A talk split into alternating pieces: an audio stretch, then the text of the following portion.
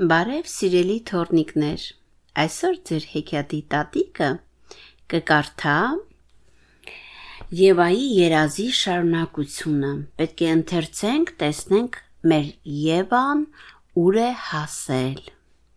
Գայլերի ոհմակը։ Արդեն երեկո էր,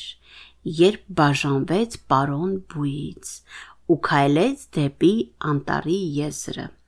որտեղ շուտով պետք է հավաքվեին գայլերը։ Եվան ընտրեց մի թփաշատ տարածք,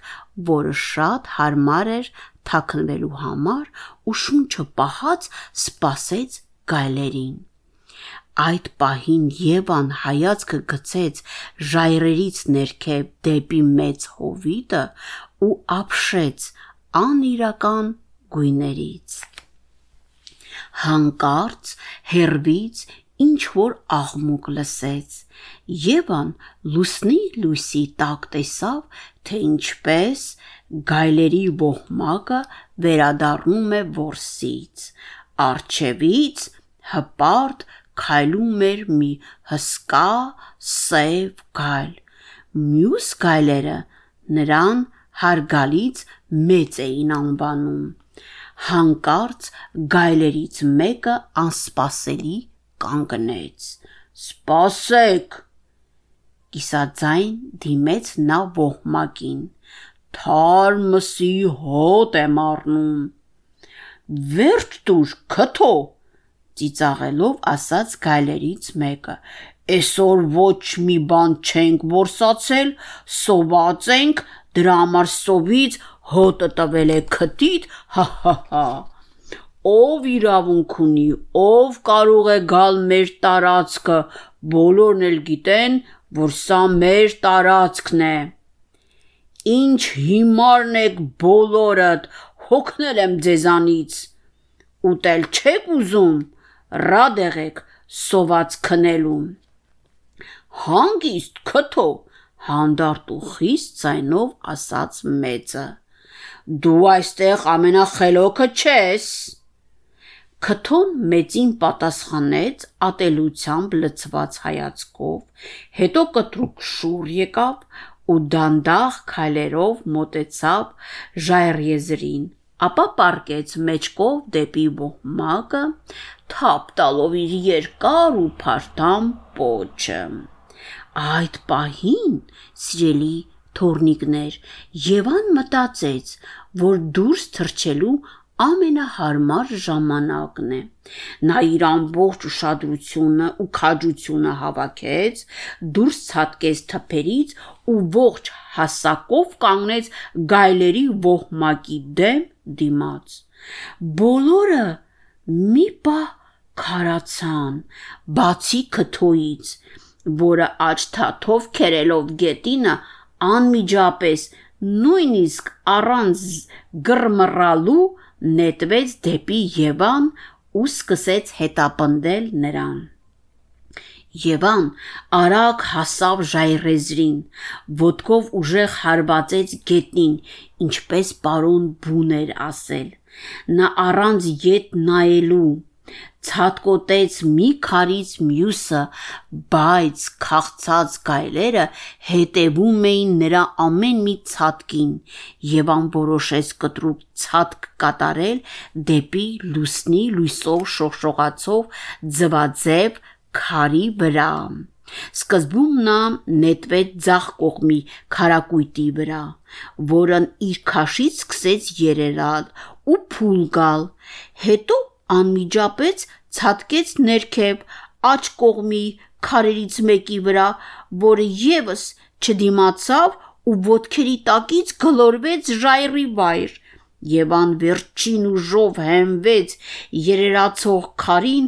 ու մի հսկա ցատկով հասավ ձվածև քարին։ Այդ ամենը այնքան արագ կատարվեց, որ նույնիսկ Եվան չհասկացավ Երբ արդեն ներքևում էր, բարձրացնելով գլուխը, տեսավ շփոթված մեծին ու կատաղած քթոին, որոնք լեզուները դուրս գցած վերևից շնչակտուր իրեն են նայում։ Երբ Եվան վերջապես հասավ հարթավայր, սիրելի թորնիկներ, տեսավ, որ Սուրբ ծառը շատ հեռու է։ Նա շեղվել էր ճանապարից, պետք է ամբողջ ուժով վազեր դեպի ծառը, որովհետև իմ բալիկներ հարթավայրում գայլերն արդեն շատ հեշտ կհասնեին Եվային։ Նա ետ նայելով տեսավ, թե ինչպես գայլերի ոհմակը գրմռոցով իջնում են զառիթափից։ Եվան վերջին շնչով վազեց դեպի ծառը։ Հիմա արդեն մեծն էր վազում ոհմակի արջևից, ամեն ակնթարթ ավելի ու ավելի մոտենում էր Եվային։ Աղջիկը արդեն զգում էր նաև մեծի տակ խոնավ դունչը Սուրբ ծառը մոտ էր, երբ նրանք հասնում էին ծառին, Եվան արդեն մոտիկից տեսավ ծառի բնի կիսապած դուռը, այդ պահին նա զգաց մեծի թաց դունչը եւ այնպես ոտքով ուժեղ հրեց իրան գցեց շպրտեց դեպի դուռը մտավ ներս այնպես արագարեց Եվան, որ գայլը կանգնեց շփոթված, իսկ Եվան ուժասպար ընկավ գիտակցությունը կորցրած։ Արտնանալով Եվան իր դիմաց տեսավ մի չնաշխարիկ, գեղեցիկ դեղին օծի, որը շքեղ թագ ու դեր գլխին զարդարված խոշոր ու գեղեցիկ կարմիր քարով Ես դեղինոցն եմ մեծ հովտի ոգին այստեղ դու ապահով ես Հա չեմ հավատում որ վերջապես գտա ձեզ թուլացած հառաչեց Եվան ու էլի փակեց աչքերը։ Առավոտյան արթնանալով Եվան իրեն առույգ ու ապակինված էր զգում։ Դեղին օծը պատոհանի մոտ գիրք էր կարդում, շուրջը խաղաղ լռություն էր։ Տեսնելով, որ Եվան աչքերը բացել է, դեղին օծը դանդաղ մոտենալով նույն մեղմ ձայնով հարցրեց. Անունդ ինչ է, սիրուն եղնիկ, որտեղ հանդիպեցիր դու այդ վտանգավոր գայլերի ոհմակին։ Իմ անունը Եվա է։ Ես մտածված էի գայլերին անտառից առաջնորդում ներքև դեպի մեծ հովիտը։ Հայտնվելով անտառում նրանք կորցրել էին հովտի ճանապարհը, իսկ վերևում գազանները կորցրել էին իրենց հանգիստը։ Այդպես Եվա, դու շատ բարի ու քաջ եղնիկ ես, բայց ով է քեզ այդպիսի խորհուրդ տվել։ Դու չէիր կարող իմանալ այդ ամենը առանց ինչ որ մեկի օգնության, այդպես չէ։ Խորամանկ ժպիտով ասաց դեղին օծը։ Ներողություն, դեղին օծ, բայց այդ հարցին ես չեմ կարող պատասխանել։ Ես ձեր օգնության կարիքն ունեմ անհամբեր նայելով դեղին օծի դե կարմիր գեղեցիկ աչքերին ասաց Եվան. Այստեղ գալուց առաջ ես փոքրիկ աղջիկ էի, բայց մի գիշերվա մեջ եղնիկ դարձա։ Ես մեր տունն եմ փնտրում ծնողներիս անչափ կարոտել եմ ու չեմ կարող ապրել առանց նրանց։ Գիտեմ, որ նրանք էլ առանց ինձ չեն կարող ապրել։ Անցած գիշեր երազումս տեսա մայրիկիս լացած աչքերով տխուր քնած խնդրում եմ շատ եմ խնդրում օգնիր ինձ հուզված ասաց Եվան ու սկսեց արտասվել։ Մի անհանգստացիր Եվա, ես կօգնեմ քեզ։ Նախ եւ առաջ իմացիր, որ միայն պարոն Գորտը կարող է քեզ դուրս բերել այստեղից ուրիշ ոչ մի ուժ չի կարող անել,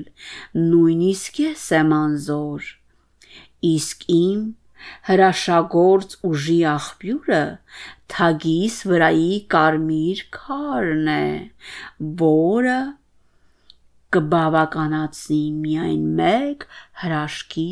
համար։ Կարող ես իմ նախքին տեսքը բերել, հարցրեց Եվան դեղին օծին։ Դեղին օծը ժպտալով նայեց Եվային, ապա հանեց իր գլխի թագը, վրայից պոկեց մեծ կարմիր քարը ու մեկնեց Եվային։ Կուլտուրսա Եվան անվստահ վերցրեց կարմիր քարը ու կուլ տվեց։ Սենյակում Ամեն ինչ սկզբում նրա աչքին կարմիր էր երևում, եւ այն թվում է, թե քունը տանում է։ Մաշկը սկսեց անտանելի քոր գալ, ինչպես անցած գիշերվա երազի մեջ։ Հետո զգաց, որ դանդաղ իջնում է ներքև։ Մի վերջին անգամ աչքերը պինդ թարթելուց հետո Եվան ուրախությամբ նկատեց սենյակի բոլոր գույներն ու ամենակարևորը դեղին օծին, որը ժպտալով կանգնած էր իր դիմաց եւ པարզած մի գեղեցիկ հայելի։ Եվան ակապան նայեց հայելու մեջ եւ հրճվանքից ճճած նա կրկին աղջիկ էր դարձել ցածկելով անկողնու վրա նա երկու ձեռքերը parzեց դեպի դեղին օծը ու բացականչեց. Չգիտեմ Ինչպես շնորհակալ լինեմ ձեզ։ Դու արդեն օգնել ես ինձ մեծ հովիտ վերադարձնելով գայլերին։ Իդեպ դու շատ գեղեցիկ աղջիկ ես, Եվա, ասաց դեղին օծը։ Եվան կրկին ժպտաց նայելով հայլու մեջ, բայց հանկարծ հիշեց, որ այդ աշխարհում մնալու ընդամենը մեկ գիշեր է մնացել իրեն։ Սիրելի դեղինոց, ես պետք է անհապաղ ճանապարհ ընկնեմ։ Ինձ մնացել է ընդամենը մեկ գիշեր։ Շ Հիմա քեզ համար ավելի դժվար կլինի տան ճանապարհը գտնել։ Ինչպես ծնողներիդ հանդեպ սերը քեզ օգնեց անցնել այս բոլոր փորձություններով, այնպես էլի վերջո կուղորթի քեզ գտնել քո տունը։ Շնորհակալ եմ ամեն ինչի համար, շփոթված բայց երախտապարտ հայացքով նայելով դեղինոցին ասաց Եվան. Բայց ես պետք է հենց հիմա դուրս գամ, որ հասցնեմ գտնել ճանապարհը։ Հասկանում եմ Եվա, բայց հավատա, կարևոր բան եմ ասում, որ քեզ կօգնի գտնել քո ծնողներին։ Հիշիր Եվա, ծնողներին սիրելը շատ հեշտ է, բայց արդյոք կարող ես սիրել այն մարդուն կամ գազանին, որից վախենում ես։ Դա անչափ դժվար է, բայց հավատա, հավատա ինձ։ Հենց դա է ամենազորեղ ուժը, որի արչև ոչ մի աշխարում փակ ճանապար չկա։ Քեզ հաջողություն, սիրելի Եվա Կարդաց Мара Бабон.